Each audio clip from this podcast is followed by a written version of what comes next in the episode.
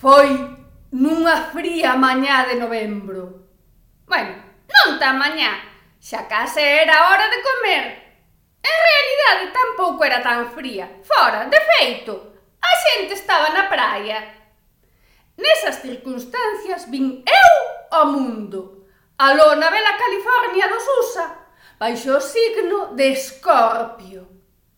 A miña familia era unha familia tradicional americana, ca pequena salvedade de que o meu pai era chinés, a miña nai brasileira, a miña irmá maior era a filla do butaneiro que era de Afganistán, o meu irmá maior, que era dous anos máis novo que a miña irmá maior, saiu dunha relación extramatrimonial do meu pai ca camareira do burger da esquina en vinganza polo da miña nai co butaneiro. Eu, en teoría, Fun froito da reconciliación, que durou pouco, porque o meu irmán pequeno é fillo do carteiro. Viñera a miña aboa galega, claro, por parte de nai, que quería presenciar o nacemento da primeira filla non nacida do pecado nesta familia. O parto non tivo complicacións, A miña nai estaba desexando botarme e a min tampouco me levaba a idea quedar ali dentro co día tan bonito que facía. Ademais, a conxunción das estrelas era axeitada. Eu saín cun sorriso, como sempre.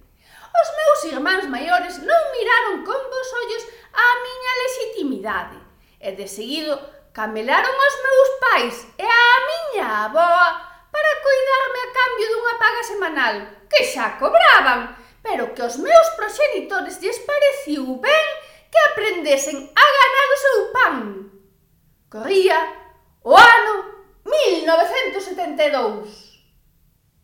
A miña irmá foi pasar o Nadal como era tradición co seu pai, o botaneiro de Afganistán, porque a ela non lle molaba nada iso de que un vello gordo barbudo vestido de vermello se metese na súa casa pola chimenea. Nunca cheguei a entender que asociación de ideas lle levaba a facer comentarios de tipo de vello verde, Isto aparecerá en episodios posteriores en Os anuncios de Amena, un momento revelador. O seu pai, asentado desde había anos cunha pequena empresa propia de distribución de gas butano e demais derivados da terra que gas de patacas, trataba de educar a súa filla na paz interior. Non sei se era exactamente ese o concepto que aplicaba. No amor e respecto ao próximo. Cando a ela se lle escapou nunha conversa descoidada o perverso plan que trazara co meu medio irmán. O pai, o noso querido afgano, agarrou o turbante con desesperación. Preguntábase unha e outra vez en que fallara. Que non lle dera a súa filla querida. Como podía tirar o lixo anos e anos de adicación? A miña irmá tiña o claro verdade, non se podía permitir o luxo de ter unha herdeira lexítima. Tese apoiada firmemente polo meu irmán, daquela, con tres anos xa. O noso querido afgano recoñeciu nos ollos da súa filla a determinación dun piloto kamikaze que anos antes vira no seu país. E aínda que eu non era sangue do seu sangue, nin carne da súa carne, bueno, de refilón algo pillaba, sentiu polos seus principios como súa a misión quizáis imposible de salvarme. Directamente non o podía facer. A súa maquinadora filla tiña o vixiado. Pero el sempre tiña a man desde os vellos tempos o número do seu amigo, antes coñecido como Osirio. Osirio acudiu a cita 48 horas exactas desde que o noso querido afgano o chamara. Eu, daquela aínda non era moi consciente da situación. O sirio tiña unha cara amable pero distante.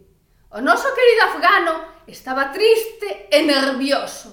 A noite anterior fora moi dura. Cando foi levar a miña irmá de volta das vacacións de Nadal, tratou sen levantar sospeitas de achegarse a min. Cousa bastante difícil, porque na tele estaban dando a misa do Papa, que a miña nai brasileira e beata non podía perder por nada do mundo. Para estas celebracións invitábase a canto bicho vivinte coñecido por esta orde había. El conseguiu uno. Veu xunta a min, metiume na mochila, pechouna e volviu para escoitar o oficio aparentar naturalidade, pousaba e tiraba a mochila tranquilamente, como se nada importante tivese dentro. Tivo sorte de que non dese sacado a mordaza ca que me pechou a boca, porque berrar non berraría, pero unha dentada cal siga en acción ia e o pescozo fixo. Despois todo veu rodado. Na casa quedaban todos borrachos, os meus irmáns inconscientes de non sei que sustancia que lles meteran nos cereais. Na duty free, o sirio tomou a mochila, que por disimular malgraio o parta, tamén se adicaba a deixar en calquera sitio. No avión viaxei en primeira, iso sí, entre as maletas máis pijas. Cando o avión aterrou, eu xa non era a mesma. Deixara atrás unha vida,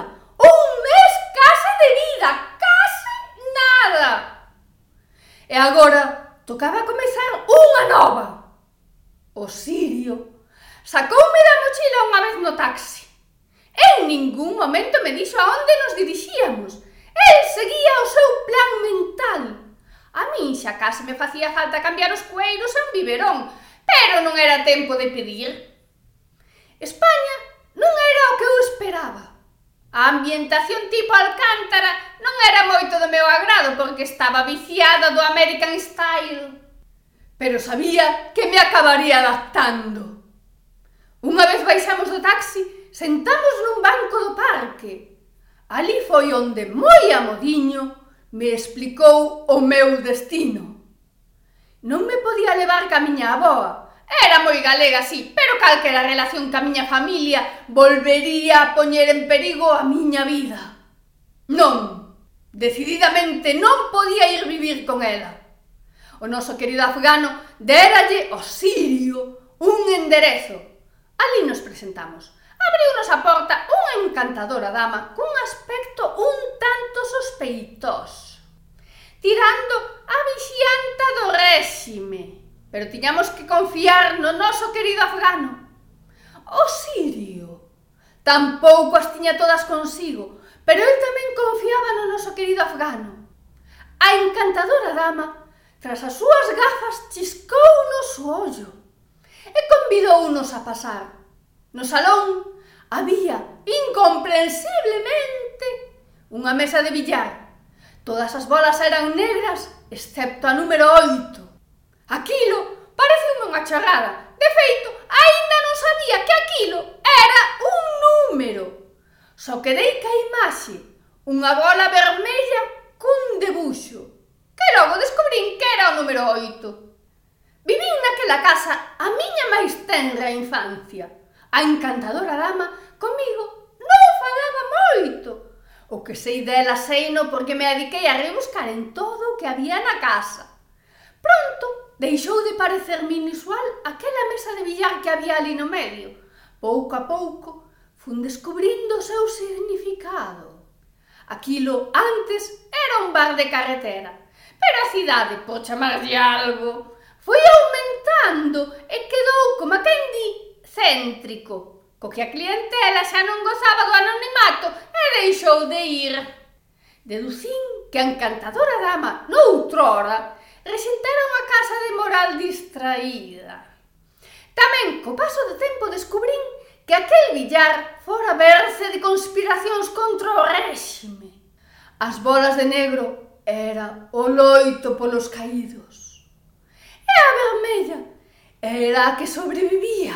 Aló, por Asturias, capasionaria! Que no fondo, creo que era o amor segredo da encantadora dama. Que a maioría de idade e que sabias ensinanzas que me transmitiu a encantadora dama Esto es dentro, esto es afuera, esto es lejos, esto es cerca. É que se parecía moito de Barrio Sésamo, pero en plan señorita de la Coruña. Saín vivir a miña vida, mirando atrás, sobrevivir a Franco, cousa impensable cando cheguei. Agora tocaba superar aquel que eu pensaba curto período de goberno popular.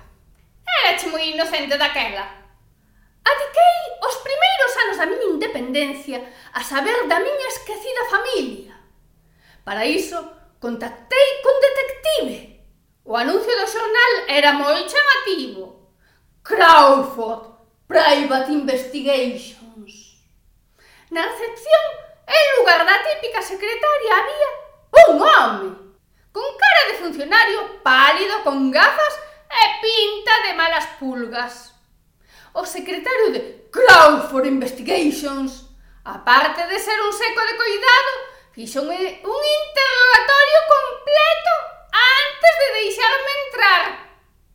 Íame deixar pasar o despacho de Crawford, pero no último momento dixo que non, que me atendería o seu socio, que era moi bo. Bueno, realmente dixo que era la polla. Pero eu son demasiado fina para repetir semellante cousa.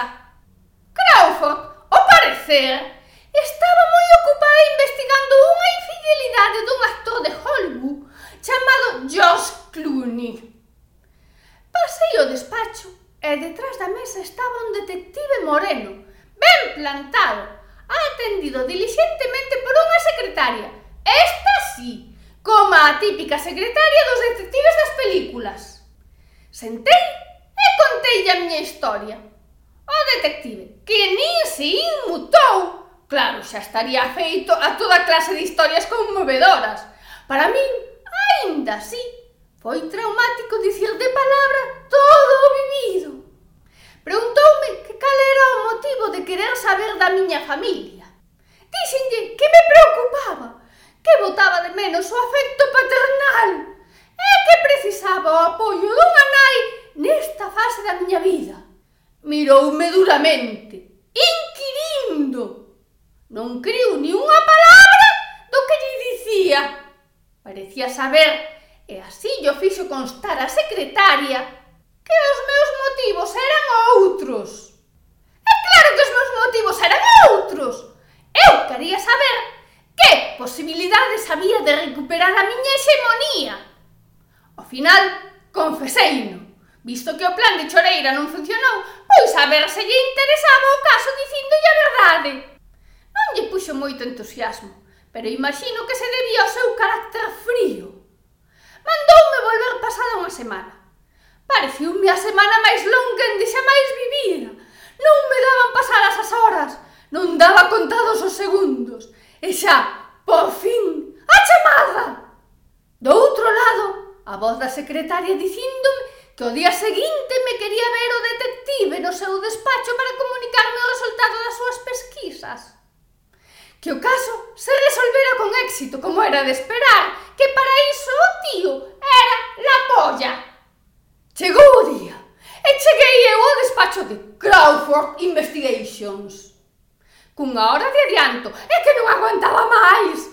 Parecía, parecía que ia a consulta da Seguridade Social polo adianto. Pero eu son así. O recepcionista, cando me viu, baixou as gafas e miroume por riba delas. Mal, por suposto. Díxome que esperase sentada, con toda a súa parsimonia. Para min que o dixo con doble sentido. Ao pouco de estar eu sentada, entrou na oficina unha muller rica. Polo menos iso aparentaba. Sofisticada. Polo menos iso parecía. Deslumbrante. Polo menos iso lle pareceu ao recepcionista que cando a viu caiulle a queixada ata a mesa, saiulle a lingua e notábaselle que tivo que facer un grande esforzo para non inundar o despacho cas súas babas. Homes! Preguntou polo detective festa. Cando dous desempañados gafas, alcanzou a preguntarlle o nome. Ela, que a súa estudiada voz curtida nas festas da High Society, dixo Señorita New Look, o meu nome é Siga New Look. El está me agardando. O recepcionista non daba feito, pero ao escoitar a voz saiu a secretaria de dentro do despacho e fixo a pasar. A secretaria parecía nerviosa, como se se tratase dunha clienta moi importante. Como as que lle fan a pelota nos bancos, pois igual. De súpeto, sai a secretaria do detective do despacho e entra no outro despacho, que debía ser o da famosa Crawford, que estaba en Hollywood.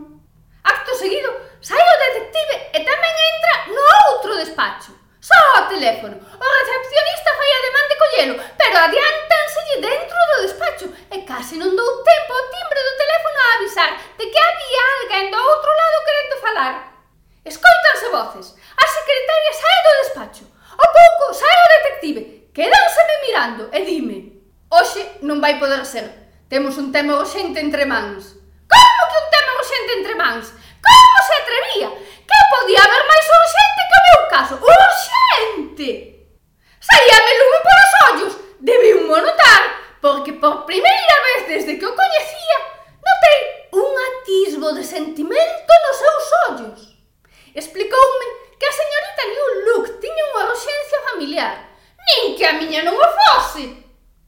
Tratábase do secuestro do famoso investigador en temas inalámbricos Zixel,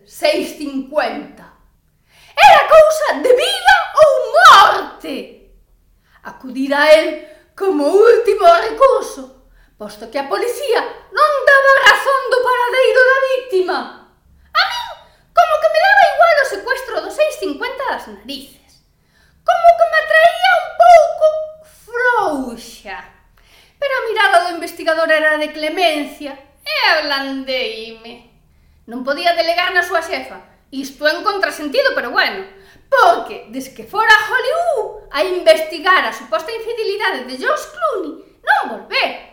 O último que soubera dela era que probablemente a seguinte infidelidade do tal George Clooney fose ela. O investigador estaba notablemente afectado. Entrou no despacho.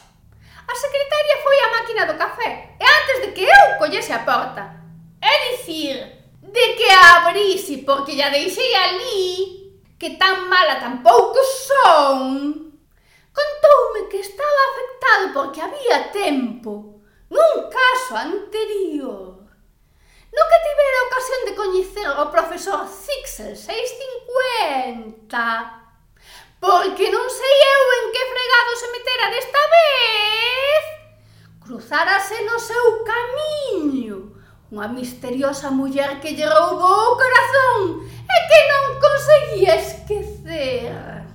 Saíra da nada e marchou sen deixar rastro. Era Catwoman. Volvería a cruzarse no seu camiño. Sería quen de conquistara desta vez. De que parte estaría? Que relación tiña co profesor? Desexaba tal vez o investigador que o Zixel 650 se metese nun fregado, aínda causando a conseguinte dor a señorita New Look, con tal de volver ver a Catwoman. Por suposto que o investigador, que era tan bo que todos dicían que era a polla, pero que eu son tan fina que non digo esas cousas, non desexaba que o doutor Zixel 650 se metese en líos, e non desexaba causarlle dor a señorita New Look. El só quería volver ver a aquela misteriosa muller Catwoman. Ese poidese ser nun luxoso restaurante nun íntimo reservado, mellor que nunha pelexa dentro dunha nave industrial abandonada como a última vez. A min, sinceramente, como que me importaba bastante pouco a historia de amor do investigador.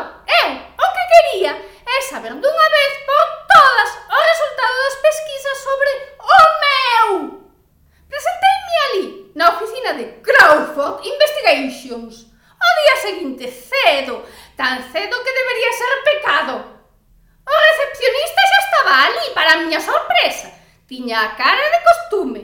Miroume mal, como sempre. E mandoume sentar. Pasaron como unhas dúas horas ata que apareceu alguén máis, e eu pensando que estaban traballando como todos nos seus respectivos despachos. Entraron a un tempo o detective e a secretaria, mellor dito, a secretaria e o investigador, que aparte de ser la polla era todo un cabaleiro. Gostaríame dicir que me recibiron co mellor dos seus sorrisos, pero non. A min tanto me tiña, non pasara todo o que pasara para que me detivera agora unha mala cara. En nada, mandaronme pasar o despacho. Soltoumo todo de golpe. Os teus irmáns están posicionados. A tua irmá ten copado o com, o teu irmán o punto net e o pequeno o punto org. Isto, dixo cun sorriso irónico. Ademais, xa contactaron ca familia para copar os territoriais. Maldición! Pensei. Non che queda moito polo que loitar. É moi cabrón dixo tan ancho! que non me queda moito polo que loitar. Como se lle pode dicir a unha persoa de 18 tenros aniños que non lle queda nada polo que loitar? Afundiume na miseria. Te vi un notar na cara que por primeira vez, ou oh, non, por segunda vez, notei un atisbo de emoción na mirada. Podes vir traballar con nós, dixo. Crawford chamou desde unha illa do Caribe a onde tivo que emigrar polos filmes da muller de George Clooney. Con George Clooney, ata que as cousas se calmen. E nós estamos a tope de traballo. Non tardei ni medio segundo en decidirme. Estabas en un can e o soldo estaba moi ben. Sentáronme no despacho da Crawford e atendería como tal ata que ela viñera. A primeira chamada que tiran soaba así de misteriosa. Son O doutor TCPIP. Teño no meu poder o doutor Sixel 650. Volverán saber de min. ¡Ja, ja, ja, ja! Saín a toda hostia do despacho. Entré no do do investigador. A secretaria alterouse. Miráronme. Conteilles a chamada e no mesmo momento que rematei entrou pola porta unha figura envolta nunha capa de coiro negra. Era claramente unha figura feminina. Desenvolviu a capa e apareciu ela. Espectacular. Non fixo falta que me dixeran quen era. Tampouco ninguén o fixo. O traxe negro axustado, de coiro tamén, supoño O antiface dáballe aínda máis misterio á súa persoa e as unllas relucintes un aire perigoso. O investigador mandounos sair. A secretaria saiu toda dilixente ela, pero eu tiña curiosidade, dei a volta para ver se me enteraba de algo, pero atopei a mirada do investigador suxeríndome que ou saía ou me partía as pernas no mellor dos casos. Eu sair saín, pero quedei na entrada a ver se escoitaba algo. Non parecía que falasen, só se vían as dúas figuras de pé, unha en fronte da outra. A pouco saíron. Díxolle a secretaria que ían ao restaurante, como se elas se soubesen que falaban. E marcharon. A misteriosa muller, Catwoman xa sabedes, agora parecía máis relaxada. E o investigador abriulle amablemente a porta, como se ela fose de cristal e tivese medo de que rompese. Eu, mentres, fun ao meu despacho prestado de Crawford, que seguía emigrada nunha illa do Caribe ata que se calmasen as cousas que a muller de George Clooney e poidesen vivir o seu amor libremente. A verdade estarían apurados. Pero eu non tiña nada que facer.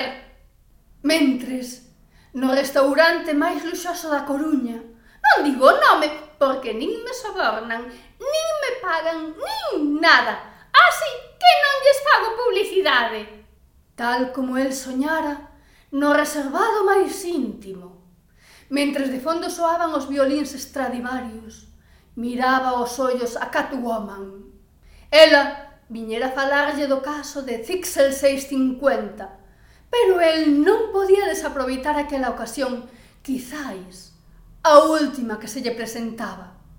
O caso xa se solucionaría, tiñame a min para facelo, e do doutor xa se preocupaba a señorita New Look, era xente da bondo. Así que el seloulle os beizos cun dedo cando ela comezaba a falar sobre o posible paradeiro do malvado doutor TCPIP. Ela trataba de manterse distante, de non deixar ver as súas emocións. Xa lle fixeran dano antes e estaba disposta a defender o seu corazón con unhas e dentes. O investigador coñecía a ben, mellor do que ela pensaba. Sí, Efectivamente, como ela pensaba, el sentíase atraído polo seu físico. Era atracción animal. Pero non, non era só iso. Ou si foi iso o primeiro, aquel parón do corazón, aquela subida de temperatura, ollo que dicen temperatura, aquela dilatación das pupilas da primeira vez que a viu. En por iso, agora xa non era así. O corazón só parecía latexar cando estaba ela, ou cando pensaba nela. Non, non só era atracción animal. Amor, si, quizáis. El colliulle a man e faloulle mirándoa con sinceridade. Contoulle dos seus sentimentos. Ela era unha muller libre, non estaba disposta a comprometerse facilmente. El pediulle unha oportunidade para demostrarlle o seu amor, non lle pedía nada a cambio. Ela trataba de resistirse, non por el, que sabía que era de lei, senón por ela, que non quería sofrer. El soubo adiviñar ese medo nos seus ollos, prometiulle que nunca lle faría dano, aínda que para iso tivese que renunciar ao seu amor. A ela encolleuselle o corazón, emocionouse. El achegouse a modiño a súa cara, e case sen tocala, rozándoa levemente, doulle un bico nos beizos. En contra do que el esperaba, ela agaroulle a cara ca outra man, e o bico fíxose máis profundo, e para elas, eterno.